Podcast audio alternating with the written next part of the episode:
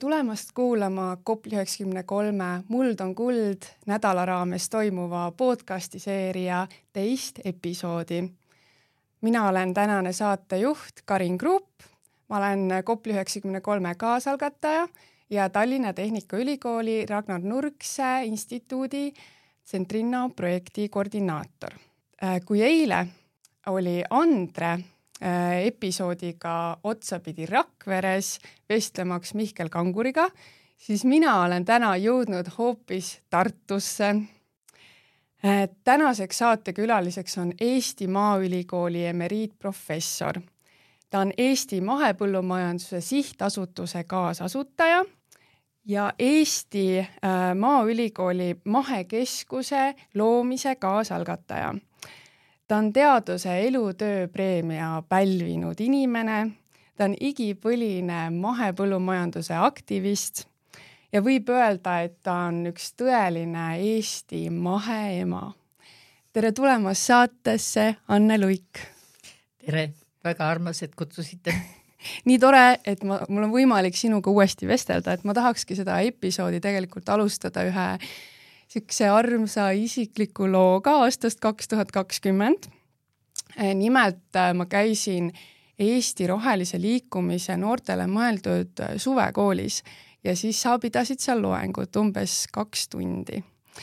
ja ma ütlen, et see loeng reaalselt muutis mu elu ja muutis minu vaadet, kuidas ma nägin toidusüsteemi, kuidas ma nägin meie toitu, meie muldasid Äh, ma mäletan seda loengut nii hästi, et ma reaalselt mäletan, mis värvi sul need graafikud seal slaididel olid. ja, ja kusjuures, kui ma nüüd rongiga hommikul Tartusse sõitsin, siis ma võtsin, et aga see oli ju seesama märkmik, kus ma märkmeid tegin ja ma leidsin need sinu loengu märkmed siit, äh, siit märkmiku vahelt ülesse.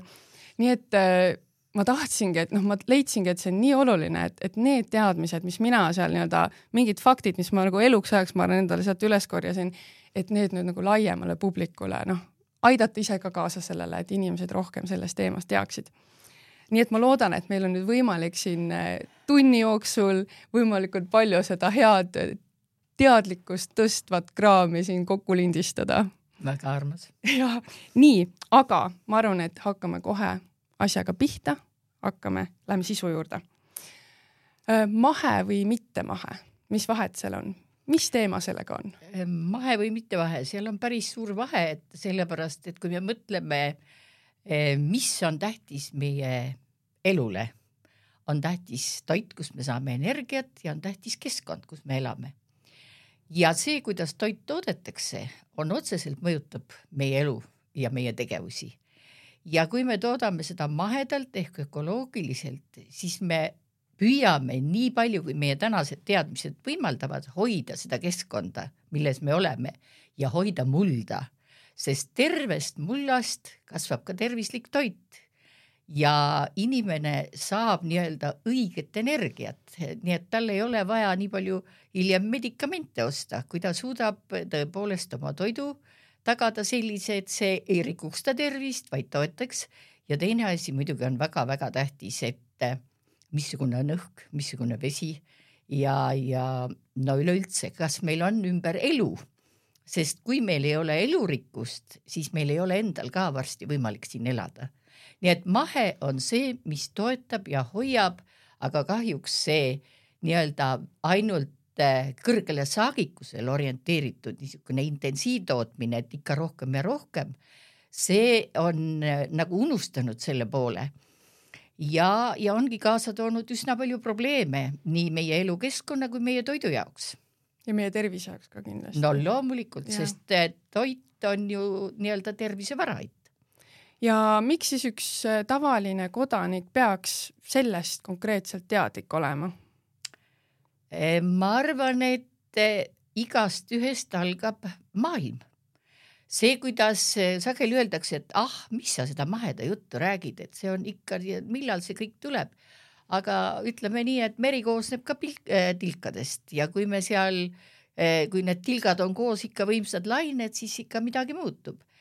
ja, ja igast ühest meist ka see, kuidas me sööme, kuidas me keskkonnas talitleme, sellest sõltub ju ütleme meie endi ja meie järeltulijate tulevik ma arvan, et see üks mõte ka, mis ma siis äh, aastaid tagasi sellest sinu loengust üles korjasin, oligi see, et äh, see üllatus, et, et, et kui ma lähen toidupoodi, siis väga paljud asjad proovivad mind ära tappa reaalselt, et noh, et kui pika aja peale ikkagi no üldse üldse tegelikult ei tea, ei tee teadlikke valikuid, siis tõstab lihtsalt tõenäosust mingitele probleemidele, nii keskkonnale kui iseendale. ma nägingi seda vahet, et tegelikult et võib-olla üksikisikust nüüd ainult üksinda me maailma ei muuda, et meid on vaja rohkem, aga iseenda jaoks sa oled ikkagi ka ju maailm, et äh, omaenda tervist, äh, omaenda vahetut keskkonda, oma riiki sa saad tegelikult oma otsustega ju ka mõjutada. et, äh, et ma arvan, ongi lihtsalt, et võtta see võib-olla teadmiseks, et, et et nii-öelda ärimehe huvi ei ole sinu tervist hoida tingimata. aga sõltub ärimehest muidugi jah, ja teine asi on, mida tuleb kindlasti silmas pidada. meie ise oleme ka ökosüsteem, tähendab, kui meie sees ei oleks nii palju eh, kasulikke kaasüürnikke, siis me ei toimiks, sest tegelikult on meil neid eh, mikroobe siin rohkem kui meie keharakke. Ja see, kuidas nemad talitlevad, sellest sõltub tervis, aga mõelge selle peale, et sageli vaatame, et kui palju on toidus igasuguseid, eks ole, neid, mis suruvad alla äh, mikroobide aktiivsust, aga mõelgem selle peale, me sööme äh, selle toidu ära, aga meie seedetraktis on ju mikrobioom, mida samamoodi me mõjutame ja mille tasakaalulised nii-öelda erinevate liikide omavahelised suhted mõjutavad otseselt meie tervist.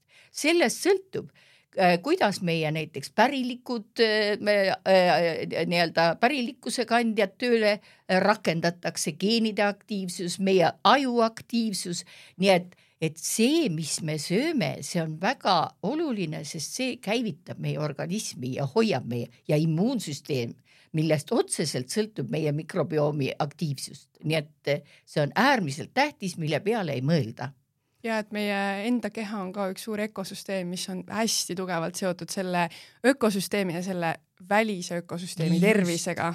just. et hoides seda välist, tegelikult me hoiame iseenda ökosüsteemi mm. -hmm. täpselt nii. aga kui me räägime nüüd äh, taimekaitsevahenditest, et see ongi see, mis äh, on ju seotud mahepõllumajandusega või mitte mahepõllumajandusega, et mis asjad need on, ma olen kuulnud herbitsiidid, glüfosaadid, mis seal nüüd kõik on? Tähendab, eh, nii nagu eh, toimus see roheline revolutsioon pärast teist maailmasõda, tulid ju kasutusele just selleks, et kiiresti tõsta saagikust, tulidki taimekaitsevahendid, keemilised taimekaitsevahendid ja ka mineraalväetised. ja keemiline taimekaitse eelkõige selleks, et ükskõik, mis siis tundub põllu peal ohustavat, kiiresti maha võtta ja taimekaitsevahend ehk pestitsiid, see tuleb eh, kreekakeelsetest sõna pest on eh, kahjustaja ja tside on tapja. tähendab, need on tegelikult eh, nende olevust, kes tulevad taimele kallale, sest loodus on loomulik ainering, eks ole. nii nagu meile tulevad haigused kallale, tulevad ka taimedele. Ja väga palju putukaid on ju seotud, eh, taimtoidulised putukad eh, kindla taimeliigiga ja tulevad kallale. Ja kui me loome kõik eeldused selleks, eks ole, suured põllud ilusti valmis nendele toidubaas, siis loomulikult tulevad. Ja taimekaitsevahendid ongi siis nii-öelda otseseks nende ohjamiseks ja nad jaotuvad, kõige lihtsam jaotus on, need jaotuvad selle järgi, millist objekti nad nii-öelda tapavad. herbitsiid, see ongi umbrohutõrjevahend, see on taimetapja nii-öelda. Ja vot selle herbitsiidid, need ongi kõige enam kasutatavad vahendid. Ja seal muidugi kõige enam on kasutatud glüfosaate juba üle neljakümne aasta, need on ühendid siis glüfosaatsed ühendid. Siis teine asi on, mis haiguste tõrjevahendid, need on fungitsiidid ja siis kolmas rühm äh, on äh, siis putukamürgid, muidugi neid rühmi on veel, kui me täpsemalt, ehk insektitsiidid, putukatapjad. ja kui me vaatame nüüd seda uut aastatuhandet, siis nende kasutus on väga tõsiselt ka Eestimaal tõusnud, eriti näiteks kümne viimase aasta andmeid võrdleme, siis praktiliselt on topelt ja kakskümmend üks, mis on andmed kaks tuhat kakskümmend üks, mis andmed meil on nüüd kättesaadavad Statistikaameti alusel, siis võiks öelda, et see on rekordaasta. nii et on tegelikult on tõusnud nii umbrohutõrjevahendite kasutus äh, praktiliselt kahekordseks ja oluliselt palju on tõu, rohkem on tõusnud siis neid taimehaiguste tõrjevahendite kasutus aga oska, oskad sa mõne konkreetse, ma ei tea, näite tuua, et palju üks masin siis mingit kemikaali põllule hooaja jooksul pritsib?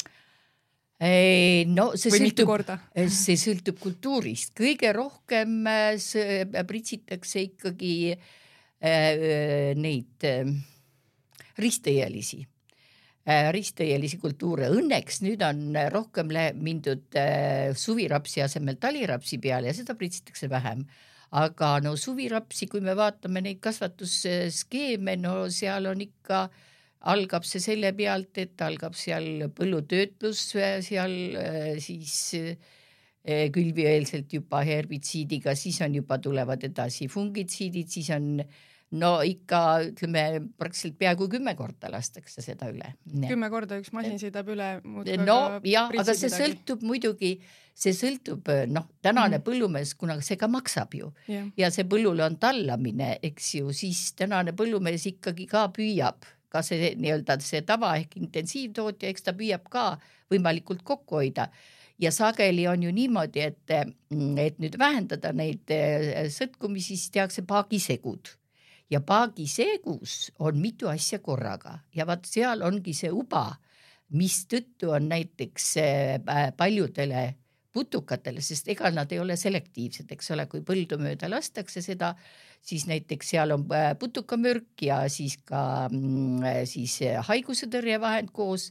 Ja tänases päevas näiteks on välja tulnud, noh, siin on ju suur probleem olnud tolmeldajatega, eks ole. Et, et kuigi need kogused, mida siis seal nagu põtuka suhtes ka peaksid olema, on väga väikesed, aga segus see toime võib ületada näiteks seda nii-öelda lubatud normi isegi tuhandekordselt, kuna toimub nii-öelda äh, toime vastastikune tugevdamine, see ehk sünergia. nii et ja vaadake neid asju, sest iga taimekaitsevahendi äh, turule toomine on pikk protsess ja muidugi püütakse neid ju kaua turul hoida, sest see on suur äri aga, aga samas neid toimeid, selliseid äh, koostoimeid, neid ei ole uuritud ja need selguvad alles reaalses elus, nii-öelda kui nad löövad nii-öelda hädakella, et me näeme. Ja me näeme ju seda, et kui kaovad meil, sest noh, kõik ilmselt kuulsid siin, kui Saksamaal löödi hädakella, et need eh, seal eh, looduskaitsealal oli kaheksakümmend protsenti putukatest kadunud, aga kui mõelda põlluputukatele, eks ole, põlluputukate on ju äh,, mõtleme lõoke näiteks, on ju ka putuktoiduline ja kui tal süüa ei ole, kui kõik maha võetakse sest ehm, siin Tartu Ülikooli eh, linnuteadlased ütlevad, et meil on väga tõsine tagasiminek ka lindudes, sest toiduahelad teisenevad, kuna süüa ei ole, eks ole, kõigile ja, ja muutub ka see, sest on noh, selgeks tehtud, et näiteks lindudel munakoores on need jäägid sees ja see mõjutab poegade arengut ja, ja, ja nii edasi. noh, nii et, et need jäägid, kui nad seal taimekaitsevahendiga pritsitakse siis eh, nad ei kao sealt, kuigi eh, noh, eh, kui see müüja ütleb, et jaa, see ooteaeg on ainult seal ütleme siin mõni päev või, või noh, need seal on kindlad reeglid olemas tegelikult, aga mida me näeme, need jäägid jäävad siiski taimede sisse, jäävad mulla pinnale ja mullast liiguvad edasi mullaveega juba siis kraavidesse, jõgedesse ja lõpuks on nad meil ka põhjavees, mis on reaalsus et nad on reaalselt igale poole vaikselt imitsemas. ja, ja mis on Keskkonnauuringute Keskuse laboriuuringud ju näitavad, et et isegi lausa rabavetes on, tähendab, nad liiguvad looduses, me ei tea ju täpselt, kuidas vesi liigub. aga muidugi väga hull on nendes taludes, mis paiknevad põllumajandusmaastikus ja näiteks nende talude vees on seal üheksast kuni kümnest erinevast jäägist koosnevad kokteilid, ja kui inimene seda iga päev joob, siis muidugi tähendab ja seal on, seal on ju mm, null koma üks mikrogrammi on, ütleme, jäägikogus, mis võib olla, aga seal on, ütleme, summaarsed jäägikogused olnud ikkagi kümneid ja sadu korda suuremad. ja, ja, ja need ei ole olnud mitte ainult äh, madalates kaevudes, vaid ka sügavates kaevudes. Ja näiteks glüfosaati jääki on isegi saja viiekümne meetri sügavuses puurkaevus leitud. Järelikult ta läheb kuidagi seda torustikku mööda ülevalt allapoole liigub kihtide pidi, noh, muud seletust ei ole sealt, eks ole. nii et, et see, mis me teeme põllul, see ei jää sinna, vaid see liigub ja seda, seda me, see mõjutab ainult põld, mitte põllu peal, vaid ka kogu ümbruses ja, ja, ja juba laiemas noh, nii-öelda maastikus. Sest et veekogudus ju tegelikult ka väikesed kogused, veekogudest ütleme, toiduahelad hakkavad ju ka mikroorganismidest peale ja nendel on need väiksed kogused ka juba üsna äh, toksilised. Ja edasi, kui me näiteks vaatame konnasid, siis kui mina läksin maale kakskümmend aastat tagasi ela, elama, siis äh, põllumajandusmaastikus, mis minu ümber oli seal, kuigi ma õnneks olen metsa sees rohkem, oli suurtes graafides kõikjal palju konni ja oli ka konnakudet aga need kadusid varsti, need kadusid juba ütleme viie järgneva aasta jooksul, sest järjest põllumajandus intensiivistus nagu ümbruskonnas. et siis siuksed konnad on head indikaatorid sellest...? konna on väga hea indikaator, sest konna, konnad on väga tundlikud ja, ja see, kui inimesel on seal kodu ümber konnad liikumas, see on hea näitaja ja isegi seal tiigis, kuigi seal võib olla, et on seal mingi vetikas vohab, aga, aga konn on sees, siis põhimõtteliselt see tiik on ikkagi veel nii-öelda päris heas seisus. Endal on mul siin kergendus, et mul on tohutult palju konnasid, nii et äh, ma olen võib-olla natukene puhtamasse keskkonda siis õnnestunud äh, saada. aga see, see lugu kõlab kui nii, et äh, noh, tehnoloogia puhul räägitakse, et alati tehnoloogial on niisugused äh, vältimatud negatiivsed tagajärjed. Ja see kõlab nagu, et see on, need kemikaalid on üks selline tehnoloogia, mis on teinud palju pahandust, mida me võib-olla ei osanud ette näha ja nüüd saame lihtsalt kurvastada, et et, et niisugune olukord on juhtunud ja paraku ongi niimoodi, et eh, noh, vot nendel on ju tehtud laborikatsetused, on teatavad organismid, mille peal neil, eh, kelle peal on katsetatud, aga need on kõik lühiajalised, no nii nagu on ja seal on paar põlvkonda, vaadatakse seal eh, siis seal närilisi ja vaadatakse nii, aga see, mis on looduses, no seda nii-öelda avatud keskkonnas, seda ei osanud keegi ette näha.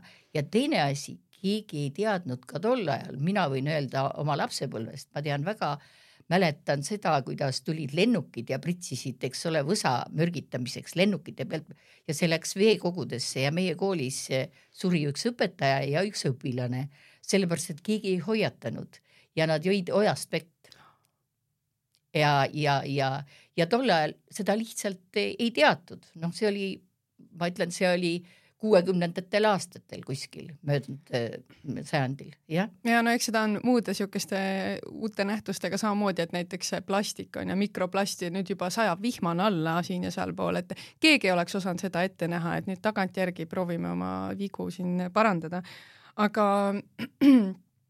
üks asi, ma arvan, veel, mis ma sellest sinu eelmisest loengust äh, üles korjasin, oli see, et äh, koolis kogu aeg räägiti, et, et kui see õun ära koorida või see ta taim ära pesta, et siis on juba, ju on juba päris hästi, et olen enamikest kemikaalidest vaba, aga sinu loengus ma sain hoopis teada, et ei, et need lähevad nagu sügavale rakkude sisse ja seesama armas maitseporgand, mis ma poest ostan, mis ei ole mahe, on nii-öelda noh, et koorimisest üksi ei piisa.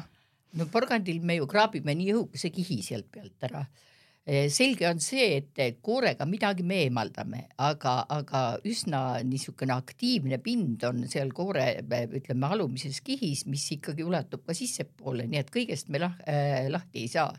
ja ära ei pese ka ja ära ka ei leota, nii et ja ära ka ei keeda, nii et, et mis seal sees on, sest nad enamasti termilisel töötlemisel ei lagune.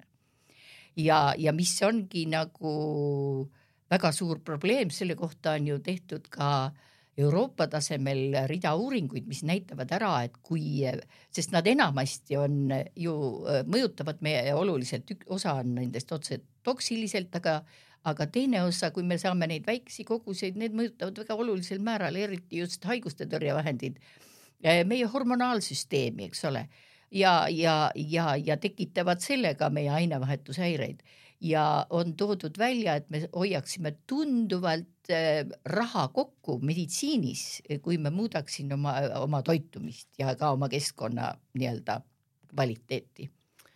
aga mis toiduainetes siis kõige rohkem on neid äh, mürke?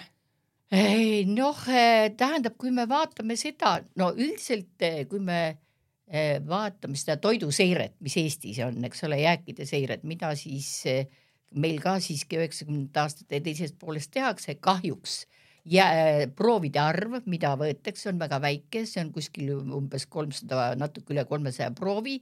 Ja nüüd sealt sadakond proovi läheb nii-öelda mahedale selleks, et kontrollida, et seal tõesti ei ole, eks ole, siis mida see näitab, tähendab ikkagi sisse ja ja mitte igal aastal ei kontrollita kõiki, vaid enamasti on mingisugune nii-öelda seirering, teatavat paarkümmend eh, toiduainet, kus siis vaadatakse seda jääke. aga mis on siis aastate lõikes, võiks öelda, et kõige toksilisemad on need, mis kasvavad eh, kaua, näiteks tee, eh, kohvi, tsitruselised, apelsinid, eks ole, mandariinid ja, ja vot seal ongi, et jõulude ajal me enamasti ju sööme, tahame palju mandariine süüa ja, ja siis sageli on see, et lapsed lähevad tiputäpuliseks ja ja seal võib, võibki olla see kerge nii-öelda üledoosi kogus, mis, mis nad saavad seal, mis ärritab nende immuunsüsteemi üles.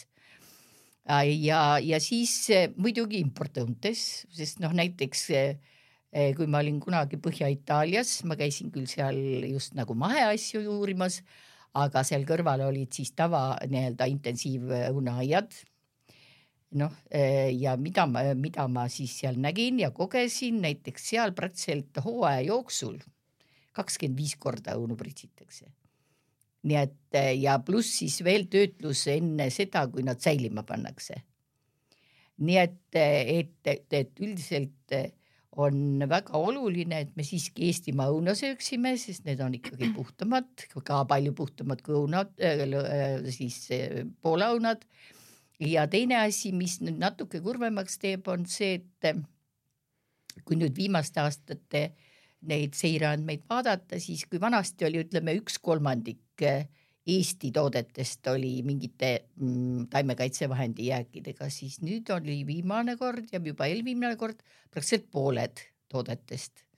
jah, nii et eh, praktiliselt näiteks porgandis ja muidugi Eesti maasikas, mis on intensiivkasvatatud, sest seda päris kui on suured põllud, siis ahkallituse vastu väga töödeldakse teda ja ka kardetakse siis õielõikajat ja ja, ja nii et, et seal on olnud näiteks viis erinevat jääki korraga.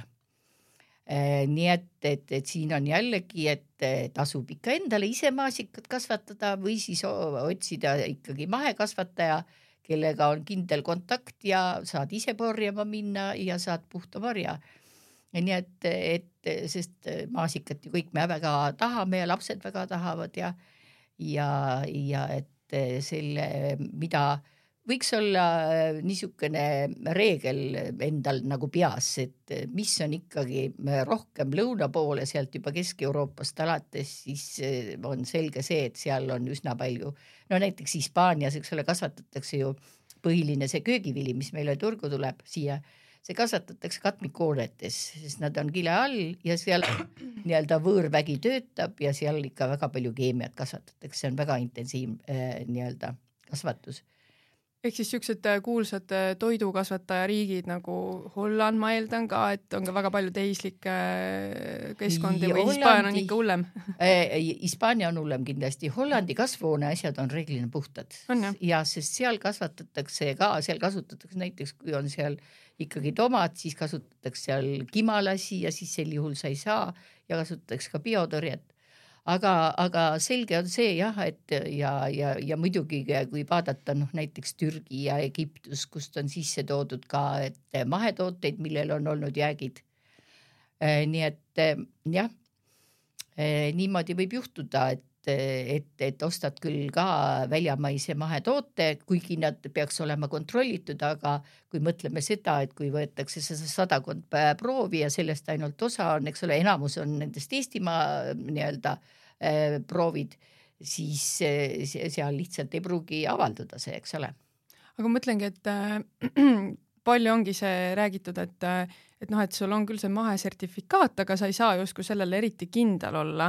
Et kui tihti siis ikkagi selle sertifikaadiga toidul on mingisugused kemikaalijäägid? no neid on väga harva, nagu näiteks ütleme, Eesti toodetes on olnud siin üks-kaks ja need on põhi, põhimõtteliselt olnud sellised, et vaadake, ei ole ju vahet, mahe mahe ja tavapõllud asuvad kõrvuti suhteliselt ja sageli on olnud seal see, et on tuuletriiv, et, et see kandub äh, ja, ja, ja nii et, et, et see, need üldiselt ikkagi mahe on puhas ja kui seal on, sest mõtleme ka selle peale, äh, reaalselt on ju nii, et äh, inimene peab seda nii-öelda üleminek mahetootmisele, kus sa enam tõesti neid kemikaale ei kasuta, vaid äh, kasutadki siis ka, sa ei kasuta ka mineraalväetisi, eks ole, ja sa püüad selle mulla muuta võimalikult siis orgaanilise ainerikkaks ja nii edasi. E, e, et, et, et mingid jäägid seal võivad olla siiski ka sellest ajast, noh, nii et varasemast ajast sest vaat, mis me praegu näeme Eestimaal ja mida nagu ei taheta väga uskudagi, mõeldakse, et mis ime see asi see on. et noh, meil määratakse ju jäägid nende ainete kohta, mis on praktiliselt Eestis ka kasutamata, eks ole, tehakse seiret. aga nüüd on tulnud väga suurtes kogustes välja, näiteks veekogudes üks ammu mitte enam kasutatud vahend, mida kunagi kasutati umbrohutõrjeks ja selle suured kogused ja seda on olnud nii jõgedes, siis Olustpere tiik, seal surid kõik kalad ära siin üks aasta, seal oli no sadu kordi kõrgem äh, nii-öelda lubatud tasemest äh, nii. nii et, et see on üks huvitav asi, et on terve rida ühendeid, mis nagu hoi on algul nagu mullas tükk aega kinni ja alles siis teatava perioodi vältel hakkavad nende laguproduktid sealt nagu välja tulema noh, nii nagu on, ütleme, glüfosaat laguneb selliseks produktiks nagu ampa. ja kui me vaatame selle ampa jääke, mis on samamoodi toksiline, on veeorganismile toksiline, on ka meile nagu mõjutab halvasti, mõjub halvasti, siis tegelikult hambajääke on ka eh, see läbib kõik veepuhastid, nii et seda on praktiliselt, kui siin tehti seiret jällegi Keskkonnauuringu Keskuse alusel siis praktiliselt kõikides meie veekogudes oli, noh, see on ka hooajaline, ta mingil hooajal näiteks äh, tuleb rohkem välja ja teine hooaeg siis, kui ta jällegi ka, sest loodus ju teeb tööd, loodus ju võitleb, loodus on ka suur elav organism, eks ole, ta püüab ka äh, tasakaalu leida, et eks ole, hakkama saada. aga, aga vahepeal teda on jah, nii nii et, et praktiliselt äh, tuleks ikkagi minna seda ökoloogilisemat teed, et et, et, olla kestlik. aga kauaks see keemia siis sinna mulla sisse jääb või, või veekogusse või? Äh, no vot ongi erinevad, see sõltub keskkonnatingimustes. no näiteks glüfosaat peaks kiiresti lagunema, aga tegelikult on leitud isegi kolm aastat pärast kasutamist tema jääkemullas. samamoodi on leitud, on kasutatud teda näiteks ähm, seal äh, teraviljadel, pärast seda on äh, aastavahet olnud ja on tulnud maasikapõld ja on maasika sees. ja mis on näiteks nagu minu meelest nagu kurvastav, sest et tegelikult kui me Eestis vaatame, meil on väga palju rohkem vaja nagu aedvilja, eks ole. Eestis me teravilja toodame nii palju, me toodame ka maheteravilja, nii et me võiksime kogu aeg maheleiba süüa. Kõik aga... eestlased siis söövad, söövad maheleiba ja me toidaks end ära. ja toidaks okay. absoluutselt, aga meil ei tee keegi, ükski leivatööstus ei tee enam. kunagi oli Vändra leib, aga tema võttis endale suure arendamislaenu ja pärast ei jõudnud seda ära maksta ja läks äh, nii-öelda pankrotti. oli väga sütitootja ja nüüd ei toe, tee seda enam keegi ja sellest on väga kahju aga, aga mida Eestis on vähe, on aedvilja, aga aedvili on just see, mida, mida, kui me vaatame seda intensiivpoole pealt, siis see on see, kus kasutatakse ka palju kemikaale mm -hmm. ja, ja kui me vaatame näiteks selle aedviljamulda, sest meil siin Priit Penu on nüüd ikkagi juba aastast kaks tuhat seitse väga toredasti läinud seal seda teed, et mullaproovid tehakse, kuigi neid, need on kallid ja vähe, aga mis ta siis näitab erinevate tootmisviiside muldades, vaat selles intensiivköögiviljamullas kahjuks on palju jääke ja üle lubatud normi, üle null koma viie grammi. nii et äh, võid siin olla siin püüdlik ja kasvatada mahevilja, aga ikka tükk aega saad ainult äh, justkui nagu mürgitatud vilja, aga no, jäägid on mullas eh,. no päris nii ei ole, sellepärast et enamasti Eestis on mahetootjate mahetootmisele, kes üle läinud juba need tootjad, kes nagunii on vähem kasutanud, eks ole. Ja nad on läinud üle nendel aladel, kus niikuinii on põllumajandus olnud mitte nii intensiivne, eks ole, Lõuna-Eesti ja ja siin Lääne-Eesti osa ja ka saartel, eks ole, kus ei ole nagu seda ütleme vana saasta all, nii et, et selles mõttes on hästi, aga kindlasti noh, sellega tuleb arvestada, et kui lähed väga intensiivselt tootmiselt üle, siis võib olla neid jääke. Aga enamasti loodus teeb nii kiire töö, kui sa sinna viid rohkem orgaanilist ainet, sest tegelikult, kes lagundavad need jäägid, need la mikroorganismid lagundavad need jäägid. Ja kui see mulla muudad elurikkaks, annad paljudele süüa seal, siis toimub ka kiiresti see mulla taastumine et kui me kasutaksime orgaanilist väetist, siis tegelikult mullad saavad kähku või noh, suhteliselt kiiresti ikkagi oma elujõu kätte uuesti, suudavad need mürgid ära neutraliseerida ja saab mahepõllumajandust rahulikult teha. jah, ja muidugi mahedas on ikkagi ka väga see tähtis ju, eks ole, et et sinu esimene mõte peab olema see, et sa toidad mulda ja siis toidab muld sind nii et, et sa paned sinna ikkagi, järjestad niimoodi selle mulla, paned niisugused äh, taimed kasvama, mis mulda toidavad ja, ja kõigepealt esimene asi, eks ole, meil on ju väetisained, äh, mis on mahedas kasutatavad. Noh, on ütleme looduslikud, aga selle peale, kui sa teed selle intensiivse maheda, siis see ei ole õige, sellepärast et, et, et see on tegelikult äh, sa ei saavuta seda tulemust, mis loodus, eks ole, mis looduslikud protsessid on. Nii et sul tuleb ikkagi see üles ehitada niimoodi, et arvestades seda, et toidad mulda, paned liblikõielised kasvama, mis siis sulle õhust löövad lämmastikku, siis toodavad väga kasulikke juureeritisi, parandavad sellega, siis nendel on ka veel mükoriisa, mis aitab, eks ole, kaasa nii ja, ja, ja liblikõielisega sa ju võid siduda seal, noh, sõltub liigist ja sõltub tingimustest kuni mitusada kilogrammi lämmastikku hektari kohta, nii. ja see tunduvalt parandab sinu äh, mulla struktuuri, sest mullas peab ju olema õhku ja vett ka, eks ole, taimejuurtel peab olema õhku ja vett, et nad saavad, teil peab olema toit, õhk ja vesi nagu meile, täpselt samamoodi, see on niimoodi nagu lasteaias me, kui ma ikka siin rääkimas käisin, siis me alati arutame sellest, et mis siis on vaja lapsele noh, aga, aga, aga taimelaps on samamoodi, tal on täpselt neid kõiki samu asju ja me peame teda jällegi samamoodi vaatama. ja teine asi on, et saada nagu nendest ja need juureeritised on just need, mis aitavad siis ka ütleme taimehaiguste tekitajatest seal mullas. Sest kui mullas on palju elu, siis tegelikult mullas hävitatakse palju neid võimalikke olevusi, kes meile kahju võivad teha. nii et elurikkus, selle soodustamine, selle arendamine on võtmeküsimus mahetootmiseks. ja, ja sellepärast on tähtis, et et me teeksime ka, kui me paneme omale sinna kasvama, siis et need oleks eri liigi taimi, siis ei oleks, sest et kes tuleb meile kohale, lõhna peale tulevad just need võimalikud kahjustajad kohale aga kui see lõhnade paabel on, siis me saame eksitada, eks ole. nii et me peame olema loodust, seda me peame teadma, loodust üle ei kavalda, aga võiksime koos loodusega natuke proovida kavaldada, eks ole, et me teeme Äh, mõelgem selle üle, et me lähme Aasale ja vaatame, kus on väga mitmeliigiline, äh, eks ole, see mm, taimik ja kas me näeme seal haigeid taimi? ei näe eriti, eks ole, ei näe ka päris ära söödud taimi. Järelikult kõik on omavahel seal tasakaalus, aga, aga meil kipubki olema, et kui me selle pritsiga üle käime, siis me võtame maha ka need, kes meid aitaksid taimekahjurite nii-öelda korrashoidmisel, eks ole, kes sööksid neid. Sest näiteks jooksiklased, need on putukamaailma suured hundid, aga kui ta saab selle mm, mingisuguse vedelikuga pihta, tal kaob ära, vot ta otse võib-olla kohe ei sure, aga ta ei ka orienteeru, tal lõhnataju kaob ära, ta läheb segadusse, eks ole, noh ja tema loomulikud funktsioonid häiruvad, noh, nii et on väga palju asju, me arvame, et me teame kõike, me ei tunne seoseid, me ei tea ja sellepärast me peaksime palju-palju ettevaatlikumad olema.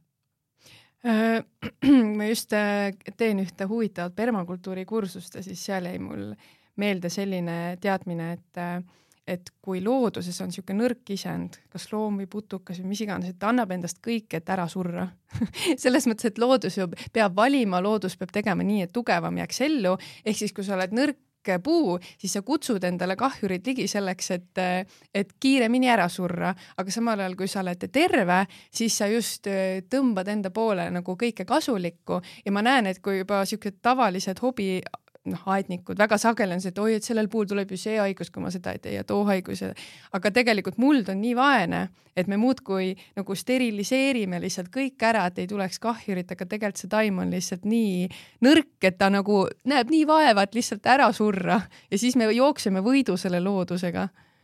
ja väga õige, sest tegelikult kui taim saab kõike nii-öelda endale vajalikku kätte ja kui talle tulebki kallale keegi, noh näiteks see on ära väga hästi puude põhjal, mul oli väga hea kolleeg Soomest, kes tegeles sellise nähtusega nagu indutseeritud resistentsus.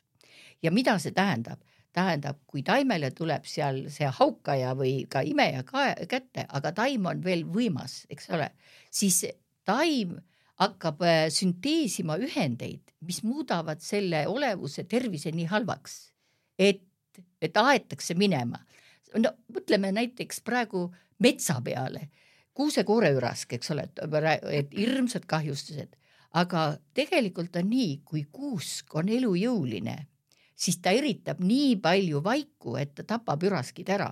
Tähendab, mul oli jällegi üks minu Peterburi kolleeg, kellega me metsaentomoloogias suhtlesime. temal oli väga hea termin, tema ütles, üraskid on sooja laibasöödikud ja see on täpselt, tähendab, see ongi õige, tähendab nõrgale ise, isendile tulevad hädad kallale. nii et siin toimubki nagu nii-öelda looduslik valik sellel teel. aga kui on võimalus ja miks, mis ongi mahedas näiteks tähtis, näiteks taimede valikul, sest me peame arvestama, mida, kui me kasvatama hakkame, tähendab, missugune on meie tingimused, eks ole, missugune taim äh, sobib sinna ja kas ta suudab suure juurestiku moodustada, sellepärast et siis ta saab sügavalt eh, kätte. järelikult tulebki, ütleme, kultuuride ja sortide valikul vaadata seda, et nad oleks tugeva juurestikuga, sest intensiivkasvatuses taimed ei ole võimelised, nendel on pindmiselt, antakse väetis kätte.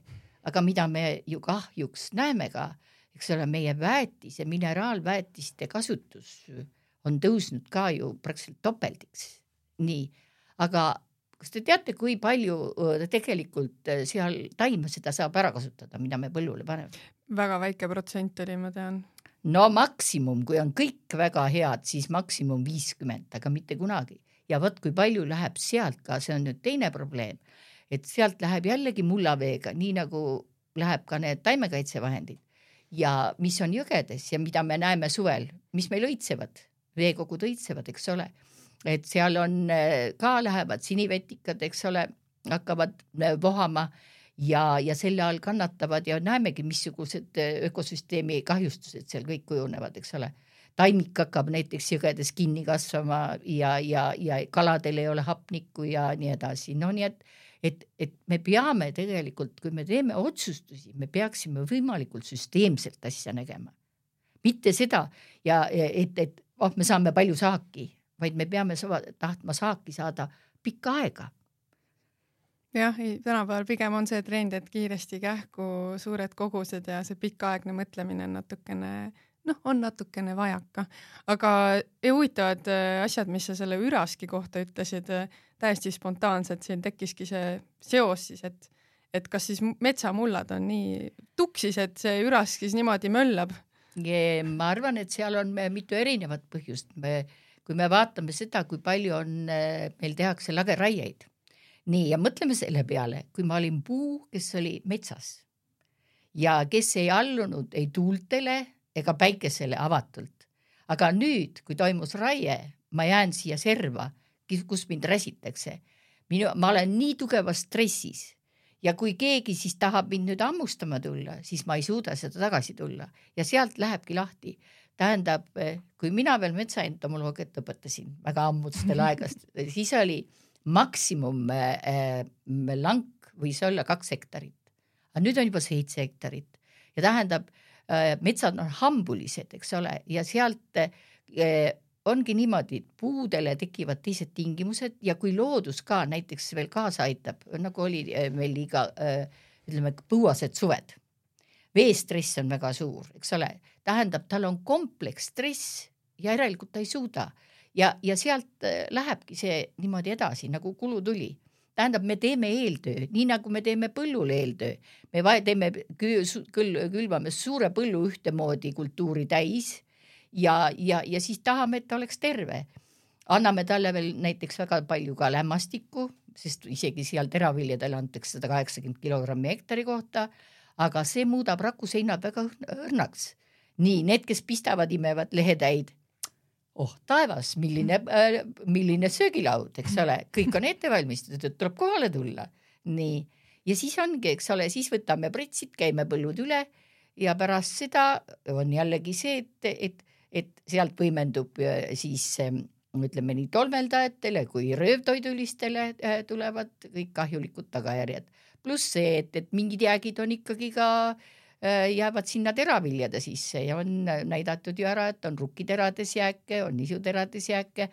nii et, et tegelikult äh, ega, ega need jäägid äh, jäävad ja kui me sööme erinevat toitu, küll öeldakse, eks ole, et sööge erinevaid toitaineid, aga väga vahva on vaadata, et näiteks kui import seal paprikas on päris kõva kogus, siis on õunas, siis on porgandis ja siis on veel seal näiteks brokolis ja kui sa siis söödki väga erinevalt, siis sa võidki saada kõikide nende väikeste just seda ületava koguse, eks ole.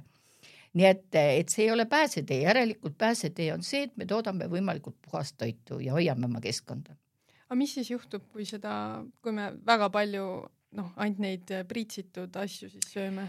no ma arvan, et see, mis juhtub, see sõltub indiviidist, äh, sellepärast et me kõik oleme meie äh, nii-öelda, meil on erinevad eeldused neid asju läbi töötada ja, ja, ja, ja nendest kas terveks jääda või hoopis haigeks tähendab ja meil kõigil on erinevad eeldused, kellel on, aga põhiasi on see, et, et tegelikult algab see, et rikutakse siiski meie nii-öelda Äh, pärilikku talitlust, et millised geenid seal aktiveeruvad, milliseid ei ja see algab peale ikkagi meie seidetraktist, eks ole, millised signaalid sealt lähevad edasi. ehk siis hormonaalsüsteemi. ja hormonaalsüsteemi ja, ja hormonaal ja immuunsüsteemi kindlasti ja muidugi on ju tänapäeval väga kenasti ära näidatud, et mis, mis juhtub inimestega juhtub see, et eh, kroonilisel tarbimisel ikkagi nüüd on täiesti eh, tõestatud ära teatavad vähijuhtumid, see mitte Hodginsi lümfoom on raudselt seotud,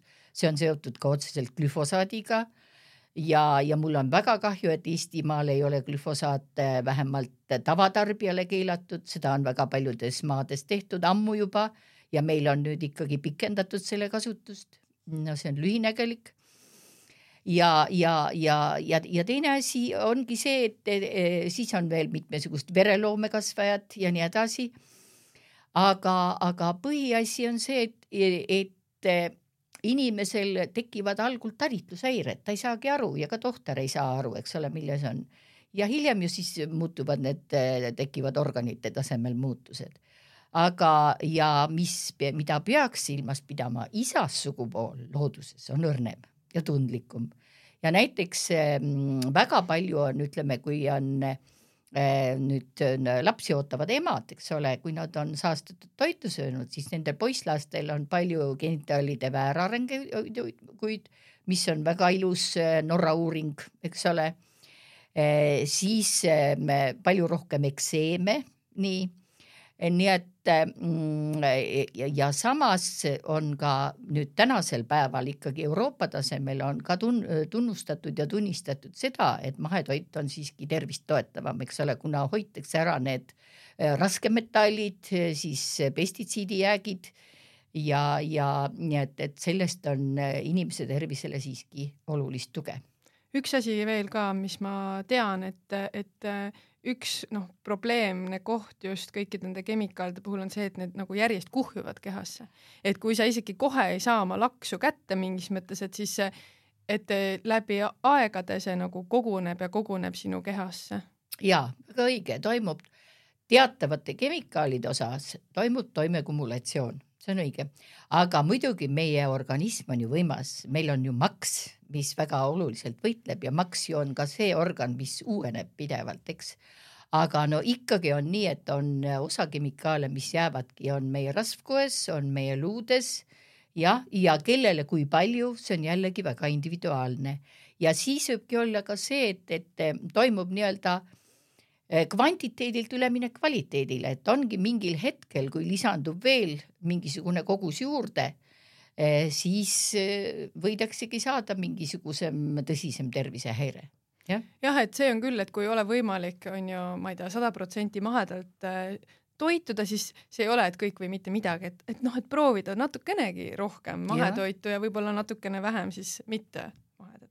Jah, aga nüüd ütleme väetiste osas on ju see, et ütleme kõige lämmastikväetised, nad on ju ne, ne, nende kogus on, eks ole, topelt tõusnud meil eh, kasutuses ja nad on väga kergesti ju vees lahustuvad ja sealt ka nagu rääkisime, et kõike ei kasutata taimede poolt ära aga, aga eh, meil on sama lugu, mis on siis eh, pestitsiidijääkidega põllumajandusmaastikus on ju inimesed hädas ka siis lämmastikujääkidega, nitraadijääkidega. Ja väga paljudes kaevudes nitraadijäägid ületavad selle lubatud piirnormi.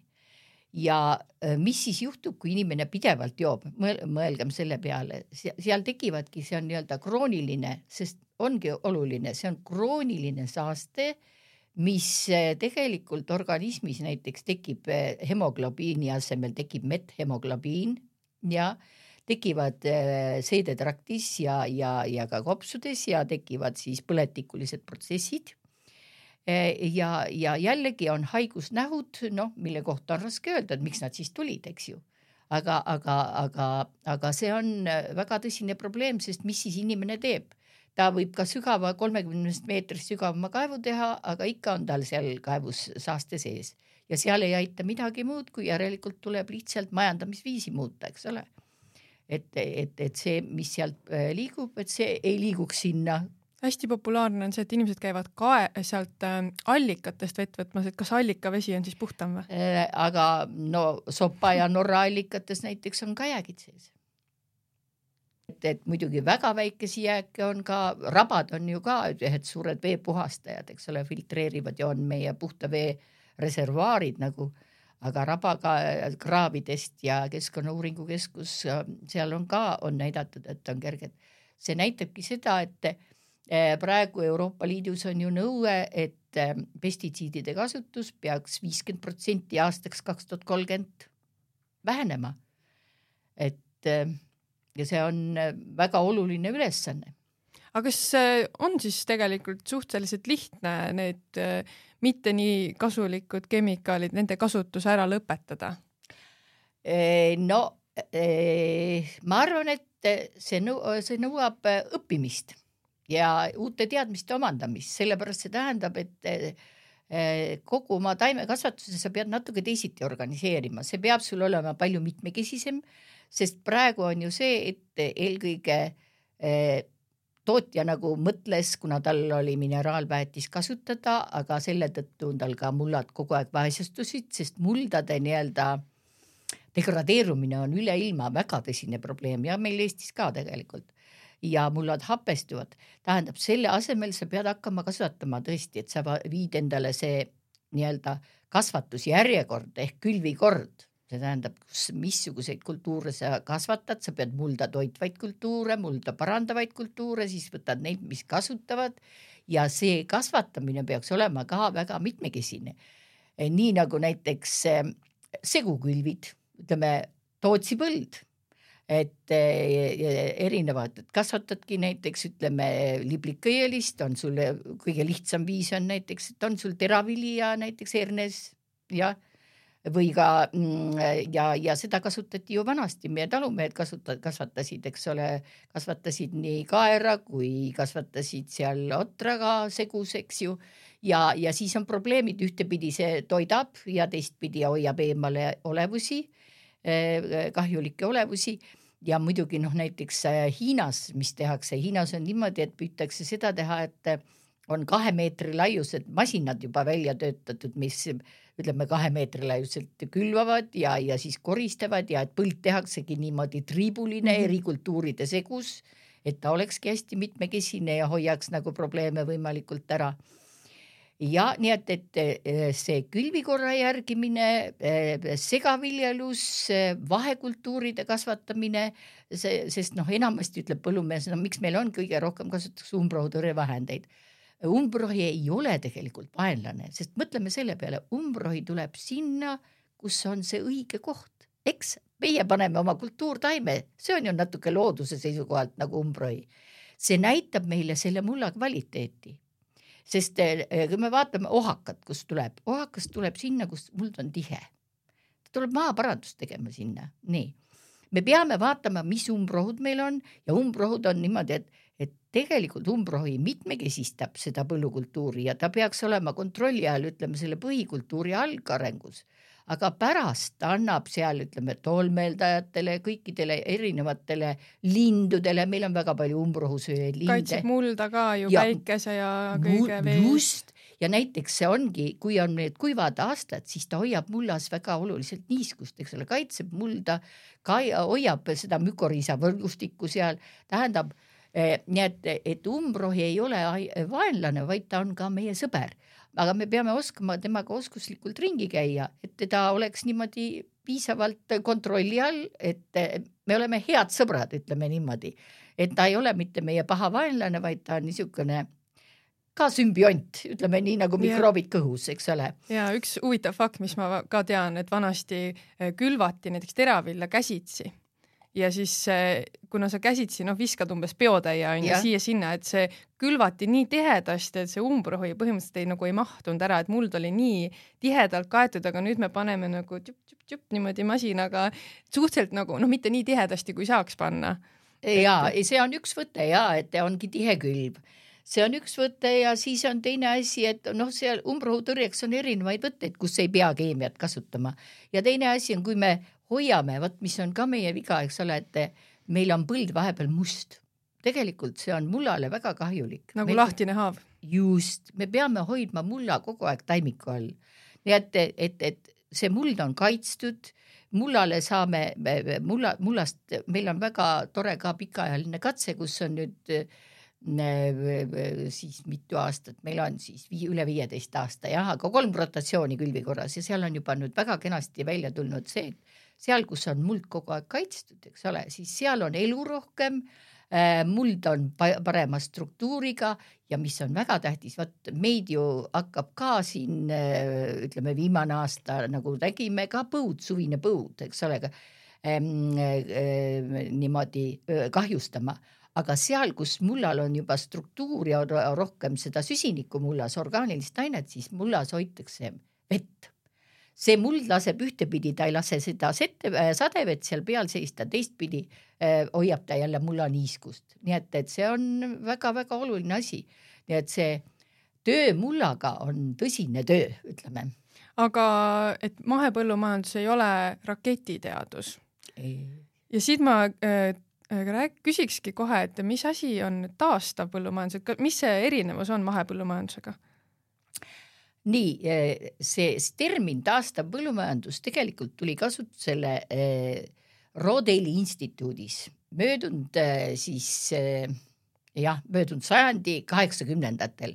Rodale, see on kõige vanem maailma mahepõllumajanduslik uurimisinstituut ja John Rodale, kes on siis selle instituudi rajaja poeg, tema võttis selle termini taastav mahepõllumajandus. Nii, millest edasi on tulnud lihtsalt juba taastav põllumajandus. Ja selle, miks see tuli selline termin ka kasutusele, sest siis juba üheksakümnendatel Ameerikas sellel intensiivtootmises tulid välja need suured hädad, eks ole, et mullad enam midagi ei tootnud. Viljakus kadus ära. viljakus kadus ära ja ei olnud võimalik, paned nii palju väetist, kui tahad, ikkagi midagi ei tule, eks ole, sest elustik oli hävitud, struktuur oli hävitatud ja siis äh, Rodeli instituut tuligi appi ja, ja sealt tuligi edasi, ta töötas välja nii-öelda taastava põllumajanduse nagu põhimõtted. et ongi seesama eh, mulla orgaanika sisalduse tõstmine, siis mulla elustiku hoidmine, siis mulla häiringute, igasuguste häiringute kaevamine. just, et sa nii vähe kui ka mehaaniliselt ja ka ütleme keemiliselt teda ja, ja noh kuna esialgu vaat väga paljud tootjad siis läksid sellega juba kaasa, kes olid tõsiselt hädas, no siis teine osa tootjaid läks siis sellele, et ta järk-järgult hakkas vähendama. Ja sealt tuligi siis see termin taastav põllumajandus, nii. Ja, ja praegu teda kasutatakse noh, ütleme ta ei ole otseselt mahepõllumajandus, sellepärast et seal kasutatakse veel võib-olla, eks ole, kergelt neid mm, no nii-öelda neid häiringuid. aga see toimub nagu järk-järguline nii-öelda see loomulike protsesside taastamine ja ongi eelkõige, et, et mulda rohkem äh, siis selle orgaanilise aine viimine no nii-öelda liblikõieliste kultuuride kasvatamisega ja siis ka erinevad vahekultuurid, mis siis pannakse nende kultuuride vahele kasvama selleks, et mulda katta eh, ja mulda ka toita. no nii, et talveks ei jääks see, näiteks ongi, et koristatakse küll vili ära, aga külvatakse sinna näiteks ütleme, eh, kui ta on olnud meil seal mm, näiteks hernes, et pannakse seal mingi rukki ja äh, ja võib-olla talivikisegu või mis, mis on siis võimalik panna. Ja, ja kevadel nüüd põld on meil kaetud ja nüüd, kui me paneme selle, mida me tahame siis nagu süüa ja müüa, siis see viiakse mulda.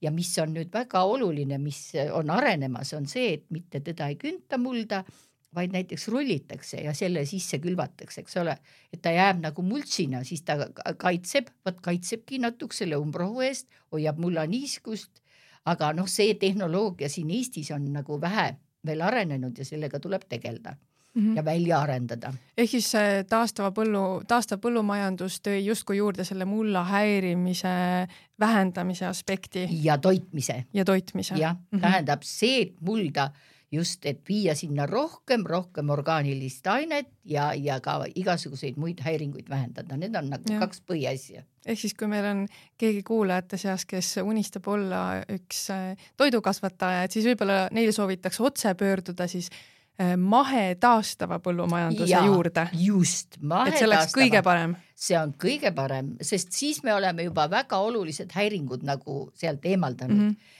ja, ja mis on nagu võtmeküsimus, mida ma kogu aeg rõhutan, mis on kõige suurem erinevus tegelikult on selle niisuguse intensiivse ja maheda eh, tootmise vahel. Eh, noh, sest permakultuur on ka mahetootmine, see on üks mahetootmise viise. nii, on see, et me elurikkust soodustame ja püüame seda võimalikult, võimalikult suureks viia, sest siis me viime oma nii-öelda suudame mullaviljakuse hoida korras ja suudame hoida ka selle taime tervise, need on omavahel seotud aga räägitakse, et ei mahepõllumajandusega me küll inimkonda nüüd ära ei toida, et see saagikus on ikka nii väike ja see ei tule kõne allagi. see on täiesti vale jutt.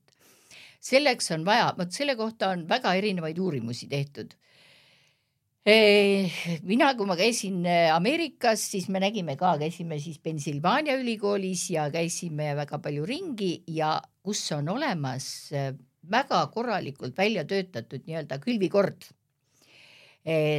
kultuurid sobivad, täiendavad üksteist, on saadud võrreldes ütleme siis selle tavatootmisega ja vahetootmisega on saadud isegi saja kahekümne protsendi, viie protsendiseid no saake sest tänu sellele just, et seesama mulla veehoid ja veevarustus on ja, ja mulla struktuur ja mulla ka viljakus muidugi on paranenud.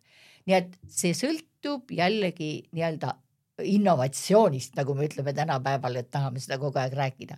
see kohalikesse tingimustesse õige nii-öelda äh, viljelus selle külvikorra ja õigete kultuuride valikust ja jällegi selle mm, äh, nii-öelda äh, tehnoloogia valikus, kuidas me sellega toimetame seal. ja teine asi tähendab, me peame ju mõtlema selle peale, et selline elamisviis nagu maailmas praegu on, see peab, kui me lõpetame raiskamise, siis me toidame terve eh, maailma, ka praeguse maailma ära mahetoot-, toodet, tootmisega. sest kui me arvestame seda, kui palju toitu läheb meil juba, ütleme kõigepealt kaotsi seal mm, ladustamises, seal on suured ka kaod, siis on äh, transpordil on suured kaod ja, ja meie igapäevases toidulauas, kahjuks ka Eestis me raiskame toitu no eks need kaod ka siukses globaalses toidusüsteemis on noh, väga keeruline on neid niimoodi nüüd äh, korrigeerida ka, et võib-olla see lahendus ongi pigem see, et, et rohkem kohalikku toitu, et kui need tarneahelad on juba lühemad, et siis on ka natuke lihtsam kontrollida ja reguleerida seda, et palju siin kus kaotsi läheb.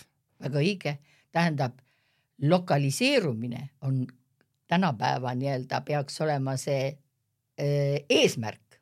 iga äh, paik toodab, toodab endale põhitoidu sest see on ju, miks meil on see inimpopulatsioon niimoodi, seesama toidutransport, eks ole, arengumaadesse, see on ju täiesti väär.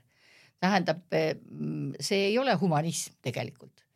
Et me peaksime seda, et inimesed suudavad oma piirkonnas toota oma põhitoidu ja kui meie näiteks toodame, meie saame siin rohkem toota teravilja, me saame selle vastu siis vahetada banaane, eks ole, noh. Aga ilma banaanita me saame ka elatud, vanasti elasime ilma banaanita, nii et, et kui meil ei ole nii palju vahetada, siis ei, tähendab, ma arvan, et majandusmudelid peavad muutuma ja, ja me ei tohi rääkida pidevast kasvust, vaid me peaksime mõtlema selle peale, et me hoiame mingit tasakaalu selleks, et ellu jääda. heaolu tasakaalu ja et ja. kus on piisavalt äh, no äh, võib-olla lähitulevikus võib-olla ei olegi enam piisavalt, aga vähemalt nii palju, et noh, ütleme nii, et et me peaksime rääkima mitte sellest eh, tootmise efektiivsustest saagi mõttes, vaid rääkima ökoloogilisest efektiivsusest, et selle väikese sisendiga, mida väiksem on sisend, et seda suurema saaksime, noh, ei saa ju saada võimatut, seal on ka, eks ole, piir ees. aga see, et, et, et väiksema sisenditega suurem saak, eks ole, ja samas, et see kogu see tootmine sobiks meie tingimustesse ja, ja, ja et me raiskaksime vähem ja taaskasutaksime, noh, tähendab jäägid võimalikult, eks ole, sest et eh, praegu ju ka eh, no on küll see orgaanika kogumine Eestis läinud, aga me ei kasuta ju neid, see peaks tegelikult minema uuesti toidu tootmisse ju. ringlusse. just. sellepärast, et seal on ju toitained, nii et äh, Hiinas näiteks juba ka inimese WC-st kogutakse, eks ole mm., ja nii et aga, aga mis on võib-olla teine asi, millest ei ole ka räägitud, et tegelikult vaat, et meil on ju seesama probleem, mis on intensiivtootmisega, on see, et meil on taime- ja loomakasvatus eraldunud. Ja loomakasvatus, seda ju ta toob sisse palju sööta kuskilt mujalt ja loomad on tihedalt koos ja kasutatakse ju selleks, et eh, loomad terved oleksid ja profülakselt antibiootikume ja antibiootikumi jäägid on ju ka siiski loomsetes saadustes sees ja need on ka keskkonnas, mis on väga halb ja palju päris tegelikult on neid jääke ja tegi meie üks doktorant tegi siin aastaid tagasi juba jah, tegi ka siis ütleme kompostist, kus oli need lauda juurest kompostid, võttis ja kasvatas taimed ja taimedesse tulid ka need antibiootikumi jäägid üles, eks ole, niimoodi, et olid nii nisudes kui seal Äh, kaeras ja odras mõlemates nendes olid need jäägid, noh, nii et need on samamoodi ringluses, eks. aga me teame ju seda, et kui palju probleemi on see antibiootikumi resistentsus, eks, nii et et, et, et mahedas, kus see loomakene, et tootja peab, eks ole, oma loomatoidu äh, tootma ise, see loom annab väärtusliku sõnniku, mis on ka nagu selle mullaviljakuse seisukohalt äh, hästi oluline ja kui ta siis on seal rõõmsalt eh, vabas looduses, siis see toote kvaliteet on ju ka palju teine. nii et toote kvaliteet sõltub tootmisviisist ja on ju näidatud, eks ole, et see maheliha ja mahepiim, et on ju oma toitainete väärtuselt ja eh, koostiselt eh, märksa parem kui tava oma mõni aeg tagasi sa mainisid niisugust sõna nagu innovatsioon, et sa rääkisidki, kuidas me peame välja nuputama sellised äh, nagu umbes külvigraafikud, erinevad sordid, et mida külvata, kuhu, kuidas seda mulda toetada. Et see on hästi huvitav just rääkida innovatsioonist kui sellest süsteemist, kuidas toimetada, mitte niivõrd tehnoloogiast, et ma arvan, kui Eestis noh, me oleme on ju digiriik ja kui mõelda tehnoloogia peale, ikka esimene asi, mis meile mõttesse tuleb, on see, et meil on vaja mingit arvutit kuskile panna, mingeid roboteid, meil on vaja mingeid masinaid leiutada, tegelikult see, ma arvan, see kõige, see innovatsioon, millele me peaksime keskenduma, on just see, et kasutame oma aju ja mõtleme välja, kuidas olemasolevat ressurssi lihtsalt ümber organiseerida paremini. absoluutselt õige, absoluutselt, et seda ümber organiseerida ja, ja nii-öelda optimeerida tema kasutust, optimeerida tema kasutust ja, ja see on nüüd tõeline, ütleme, see on süsteemne innovatsioon. Mm -hmm.. vot see peakski olema, et, et, et see on süsteemne innovatsioon, et me näeme e-, erinevate osade rolli ja oskame need kõiki panna parimal viisil toimima jah, et see, see pettumuste nägu, mida ma tavaliselt äh, näen endale vastu vaatamas, kui ma ütlen, et ei, et meil ei ole vaja ühtegi uut äh, masinat ja äppi leiutada, et meil on lihtsalt vaja natukene nagu siin mingit ajastust ja viisi muuta, et see ongi, aa, aga see on ju nii mõttetu, see ei ole innovatsioon, aga tegelikult ma arvan, et see on see kõige see, tähtsam innovatsioon. see on kõige tähtsam innovatsioon, vot see ongi kõige tähtsam, sest et mis ongi puudu, me ei vaata süsteemselt, see on süsteemne nägemine ja, ja, ja noh, seda on vaja näha, ütleme riigi tasandil, kohalikul tasandil ja, ja, ja, ja meie isiklikul tasandil, kus me toimetame oma väikses paikkonnas, kus me mm -hmm. teeme oma permakultuuri või oma väikest maheaiamaad ja, ja, ja, ja, ja, ja või siis teeme seal seda metsaaiandust, noh, nad on kõik ju öko, öko, mhm. ökoloogiline, sest me toetame, vaatame aineringe nii-öelda vaade, süsteemi vaade ja püüame selles süsteemis siis kenasti noh, mitte talle haiget tehes, vaid eks ole, ennast panna sinna. vot see ongi teine asi, mida, mida me tänapäeval ei tee, et me ei pane ennast osana sinna, meie oleme see osa, meie ei ole mitte see pealik, vaid me oleme see osa, kes siis ka kellel on nagu, me ei tee halba, vaid süsteemi püüame... element lihtsalt, kellel on oma roll, mis on täht, sama tähtis kui teiste roll. just, et me oleme süsteemi element ja aitame süsteemil toimida. mitte ei ole jumal, kes mingeid väikseid neid mängunuppe paremale-vasakule siin ainult liigutab. väga õige, just see on, see tähendab, ongi, see on väga oluline, mida rõhuasetus, mida on väga raske saavutada. Aga kui me nüüd praegusel kursil edasi lähme, mis siis juhtub? ei no paraku mina olen pessimist.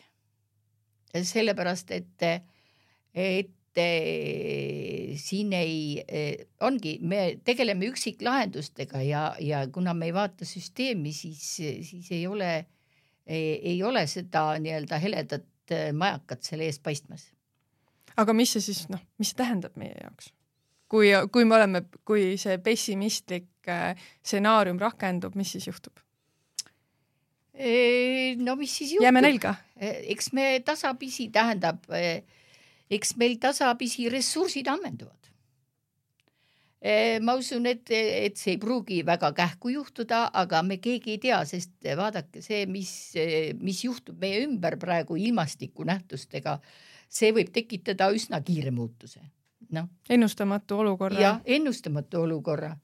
nii et, et igal juhul, sest vot seesama äh, mullas see orgaanikaaine sisalduse äh, tõstmine, see on ju ka kliima äh, aspektis väga tähtis, sellepärast et sellised mullad seovad süsihappegaasi ja, ja, ja vähendavad, eks ole, seda, seda nii-öelda mm, sisaldust õhus ja, ja aitavad kaasa ka siis sellele no ilmastiku äh, leevendamisele. Nojah, eks meil ei ole süsteemis ka sellist nagu vastupidavust või säilenõtkust, et kui on ka mingid šokid, et siis niisugune suur äh, monopõld ei saa sellega nii hästi hakkama kui väike niisugune süsteemne äh, nii-öelda mustriline, ma ei tea, permaaed või mahepõllumaa ja see täiesti õige selles mõttes, et, et see üheülbalisus kindlasti ei suuda seda nii-öelda seda säilenõtkust tagada, jah. nii et selleks ongi vaja meile mitmekesisust ja, ja ma räägin, et elu hoidmist. see ongi elu hoidmine öö, sõna otseses mõttes ja kui me mõtleme Eestimaa peale, mina jällegi kui ma nii-öelda olin nooremapoolne, siis oli fosforiidisõda ja, ja, ja kui ma kuulen praegu jällegi neid mõtteid eh, selles osas, eh, siis kui mõelda seda, et eh, suur osa Eestimaast veerežiim muutub, kui tõesti hakatakse seda tegema, tähendab, see on jällegi mittesüsteemne lähenemine.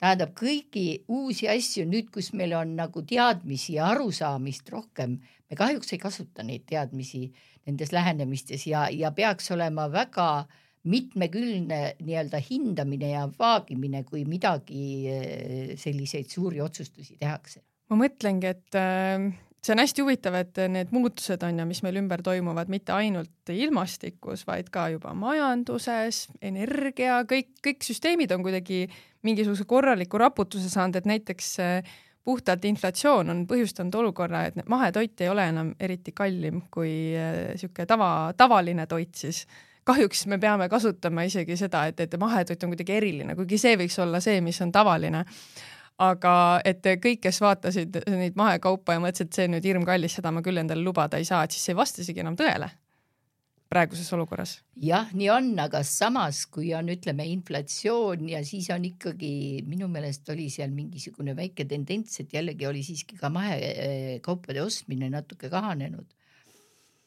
et ja kui me vaatame, siis kes ostavad, ostavad ikkagi need inimesed, kes ongi natuke teadlikumad, nii et, et selles mõttes on väga tähtis, et inimeste arusaamised ja teadmised eh, oleksid laiemad ja suuremad. ja, ja et seda teadmist ka levitatakse ja väga tähtis on see, et miks mina siin väga palju aastaid siin tegelesin lasteaedadega, on just see, et see tuleks varakult lasteaiast ja, ja mulle väga meeldis, kui ma Lotte lasteaias siin tegelema hakkasin, siis lapsed õpetasid oma vanemaid, nii et see oli nagu suur saavutus, et siis me alustasime ka porgandiseemnest peale, et kuidas porgand kasvab ja mis talle kõik vaja on ja kes siis sinna juurde tulevad. terve süsteemi ehitasime ja, ja kõiksugu olevused, kes seal ümber olid ja siis oli niimoodi, et, et lapsevanemad ka, oi et see on kilasilm, oi, see on kasulik, see on kasulik, mul Mart ütles. ja nüüd on vahva, nüüd on need lapsed on suured ja käivad koolis ja vahel siis tulevad linnas mulle vastu, ütleb tere, Porgandi Anne ei, see on väga inspireeriv on seda kuulda. Äh, kui nüüd jätaks äh, siia episoodi lõppu kõlama võib-olla kaks-kolm asja, mida ma ei tea, igaüks, kes seda episoodi näiteks kuulab, saab muuta, mõelda, teha selleks, et seda pessimistlikku vaadet natukene positiivsemaks suunata. kuidas seda positiivsemalt muudata, eks tähendab äh, ilmselt ikka sellest, maailm algab meist endist ja see, mis sa teed, tee, tee nii, et sul endal oleks hea ja sinu ümbrus, ümbruses oleks hea. hoia elu enda ümber, armasta seda ja jaga seda armastust kõikidele olevustele, kes on sinu ümber, alates mullast kuni kõikidele millimallikateni igal pool, nii et elu algab, elu sõltub elust ja, ja ainult armastus elu vastu ja looduse hoidmine ja sellega nii-öelda tõesti armastusega ringi käimine aitab meil ellu jääda. see on väga mulda väärt mõte ja aitäh üldse kõikide nende mulda väärt teadmiste eest, mis sa täna meile siin jagasid ja suur aitäh, et sul oli aega tulla meiega siia vestlema ja see, neid teadmisi levitama ja ma tahan tänada ka sind, hea kuulaja, et leidsid selle hetke siis tulemaks meiega Kopli üheksakümne kolmes samale lainele, saamaks aru, et muld tõeliselt ongi kuld. mullanädal kestab edasi. toimumas on ka erinevad praktilised töötoad ja tegevused, et nii et mine kindlasti vaata Kopli üheksakümne kolme Facebooki lehte.